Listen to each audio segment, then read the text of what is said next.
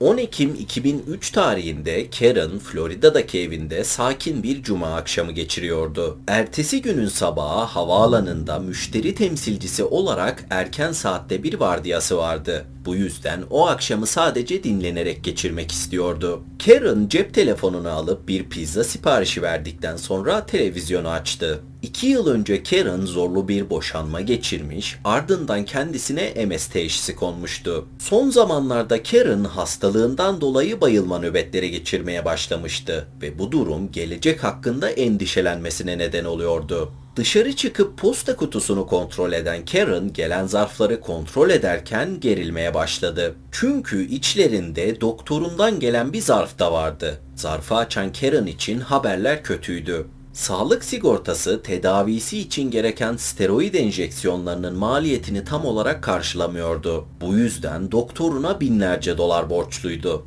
Karen eski kocasının verdiği nafakayı artan sağlık masraflarında yardımcı olması için mahkeme yoluyla arttırmaya çalışsa da eski kocası bu konuda yasal bir savaş veriyordu. Karen yaklaşık 5 yıl boyunca bir dalış eğitmeni olan Jeff'le evli kaldı. Evliliklerinin ilk yılları ikili için gayet sakin ve mutlu geçse de nafaka ödemeleriyle ilgili süren yasal süreç Karen'a Jeff'in daha önce hiç görmediği bir yüzünü göstermişti. Evdeki sessizliği bozan şey çalan telefon oldu. Masanın üzerinden telefonunu alan Karen arayanın numarasını gördü. Arayan kişi son erkek arkadaşı ve bir galerici olan Tim'di. Karen telefonu açtı ve telefon açılır açılmaz Tim Karen'a kendisini görmek istediğini söyledi. Tim'in aslında ne demek istediğini anlayan Karen romantik bir akşam geçirmek istemiyordu. Bu yüzden Tim'e enerjisinin olmadığını ancak başka bir zaman görüşebileceklerini söyledi. Karen telefon görüşmesine devam ederken kapı çaldı. Sipariş verdiği pizzanın geldiğini düşünen Karen kapıyı açtığında karşısında duran kişi Tim'di. Sinirlenen Karen'ın sinirlerini yatıştıran şey Tim'in kalmaya değil kontrol etmeye geldiğini söylemesi oldu. İçeriye giren ikili bir süre sohbet ettikten sonra Tim Karen'a ertesi gün kendisini arayacağını söyleyerek evden ayrıldı ve geceyi geçireceği göl kenarındaki kabine gitti.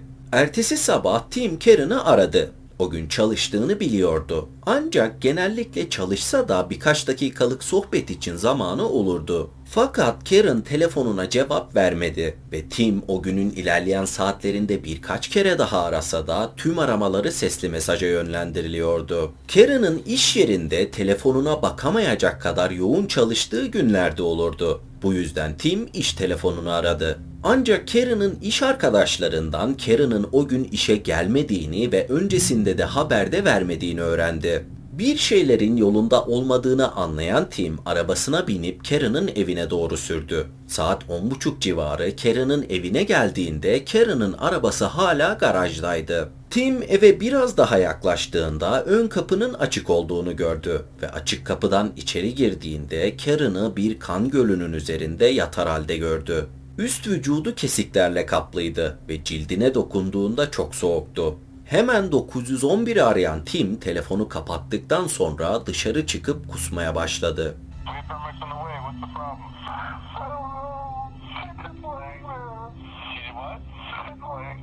Birkaç dakika sonra olay yerine gelen iki polis memuru Tim'i kusarken buldu. Tim Karen'ın ön kapısına işaret ettikten sonra kusmaya devam etti. Saat 11 civarı ise olay yeri teknisyeni Enna Karen'ın evine geldi. Mutfağa giden Enna duvarların kan sıçramasıyla kaplı olduğunu gördü. Kan deseni bir boğuşma olduğunu ve Karen'ın saldırganından kaçmaya çalıştığını gösteriyordu. Karen'ın cansız bedeninin üzerine eğilen Anna, Karen'ın kollarında kesikler olduğunu gördü. Bu izler Karen'ın bir bıçak saldırısından kendisini korumaya çalıştığını gösteriyordu. Evin arka kapısı açık bırakılmıştı. Mutfak tezgahındaysa Karen'ın boşaltılmış çantası duruyordu. Bu da yolunda gitmeyen bir soygun ihtimalini düşündürüyordu. Ancak çok garip bir şey daha vardı. Karen'ın cansız bedeninin hemen yanındaki duvara kanla R, O ve C harfleri yazılmıştı. Karen'ın işaret parmağındaki kan izi ölmeden önce bu harfleri kendisinin yazdığını gösteriyordu. Enna Karen'ın tırnaklarının altında bulduğu deri parçalarını kanıt torbasına koyarken cinayet davasına atanan dedektif Michael olay yerine geldi. Enna dedektife duvara yazılmış harfler hakkında bilgi verdikten sonra dedektif ilk iş olarak hala polis arabasında bekleyen Tim'le görüştü. Tim dedektife önceki akşam 7.30 gibi Karen'ın yanından ayrıldığını ve geceyi Karen'ın evine yaklaşık 30 kilometre uzakta göl kenarında bir kabinde geçirdiğini söyledi. Dedektif ifadesini doğrulayacaklarını söyledikten sonra Karen'ı incitmek isteyebilecek herhangi birinin olup olmadığını sordu. Tim iki kişinin adını verdi. Bunlardan biri yasal savaşının devam ettiği eski kocası, diğeri ise Karen'a birkaç kere şiddet uyguladığı bilinen uyuşturucu bağımlısı eski sevgilisiydi. Eski sevgilinin adının Rock olduğunu öğrenen dedektif, Karen'ın ölmeden önce duvara bıraktığı ipucundan dolayı ilk olarak Rock'la görüşmek istiyordu. Tim'in ifadesi o akşam telefonda konuştuğu bir arkadaşı ve kabin görevlileri tarafından doğrulandıktan sonra Tim şüpheli listesinden çıkarıldı. Karen'ın eski kocası Jeff'in de Karen'ın öldürüldüğü tarihte şehirden 500 kilometre uzakta bir dalışta görevli olduğu öğrenildi.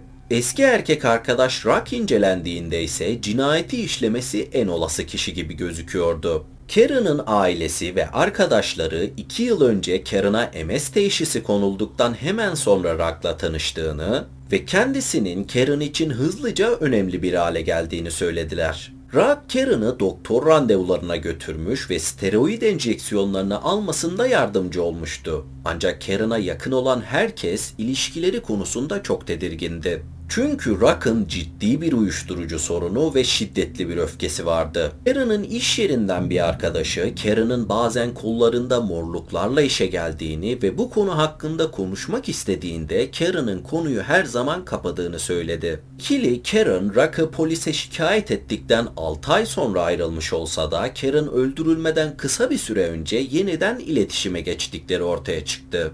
Rock taşınırken unuttuğu bir masayı geri vermesi için mesaj atmış, Karen da masanın kendisinin olduğunu söyleyince ikili tartışmaya başlamıştı. Rock'ı işaret eden yeni kanıtlar eşliğinde daha fazla beklemek istemeyen dedektif, Rock'ın 120 kilometre uzaktaki evine bir ziyarette bulunmaya karar verdi. Dedektif ve partneri oraya vardıklarında Rock garajdaydı. Dedektifleri görünce gerilen Rock kendisi için değil yardıma ihtiyacı olan bir arkadaşı için geldiklerini duyunca dedektifleri oturmaya davet etti.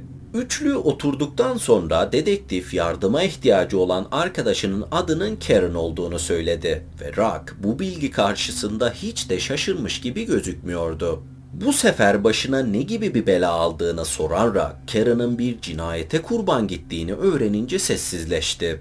İlişkilerinin çalkantılı olduğunu hemen itiraf etse de cinayetle bir ilgisinin olmadığını, ayrıca kendisini 6 aydır görmediğini ve Karen'a kızgında olmadığını söyledi. Ancak dedektif kendisine cinayetin işlendiği gece nerede olduğunu sorduğunda Rock bu soruya bir şey hatırlamadığından başka bir cevap veremedi. Hatırlamak için takvimi kontrol etmesi gerektiğini söylediğinde ise dedektifler birbirine baktı. Oturduğu sandalyeden Rock'a doğru eğilen dedektif Michael kendisine bakarak isminin Karen'ın cansız bedeninin hemen yanındaki duvara kanla yazıldığını söyledi. Yine cevap yoktu. Üçü de birkaç dakika boyunca sessizce oturduktan sonra Rock konuşmaya başladı. Dedektiflere avukat hakkını kullanmayacağını, parmak izini, DNA örneğini alabileceklerini, ayrıca adını temizlemek için de her türlü şeyi yapmaya hazır olduğunu söyledi. Dedektifler parmak izi ve DNA örneği aldıktan sonra evden ayrıldı.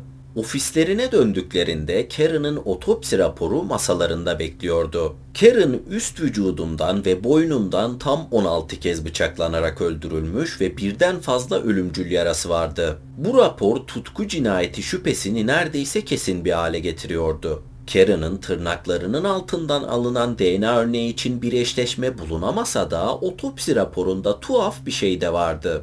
Karen'ın midesinde pizza yoktu ancak sipariş ettiği pizzadan 3 dilim eksikti.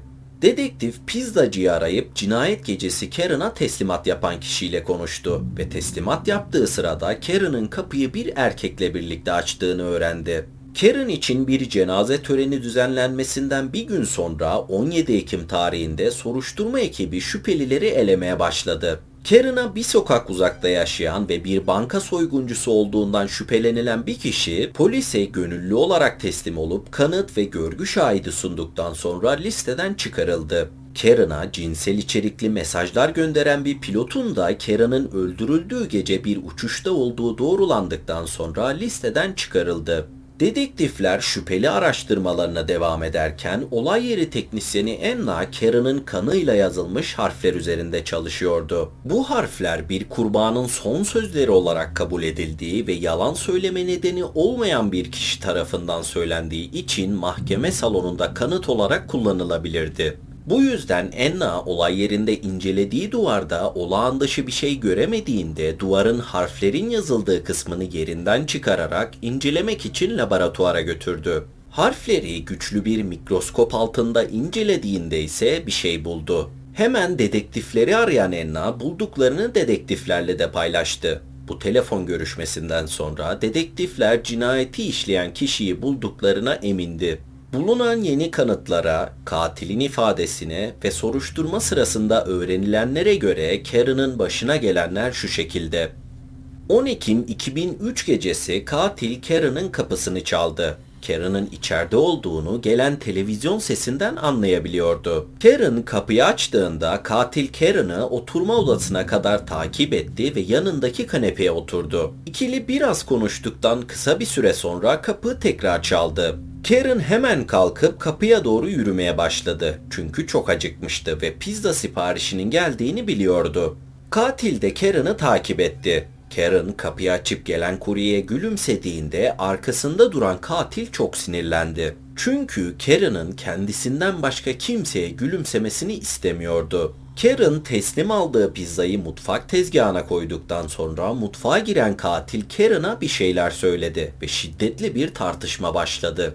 Kısa süre içinde seslerinde yükselmesiyle Karen katile dışarı çıkmasını ve bir daha gelmemesini söyledi. Ancak katil orada durup bağırmaya devam etti ve giderek daha da öfkeleniyordu. Sonunda katil bir çekmeceyi açıp bir bıçak aldı ve bunu gören Karen geriye doğru adımlar atarken katile sakin olmasını söyledi. Elindeki bıçakla Karen'ın üzerine yürüyen katil kendisini korumak için kollarını kaldıran Karen'ın kollarını kesmeye başladı.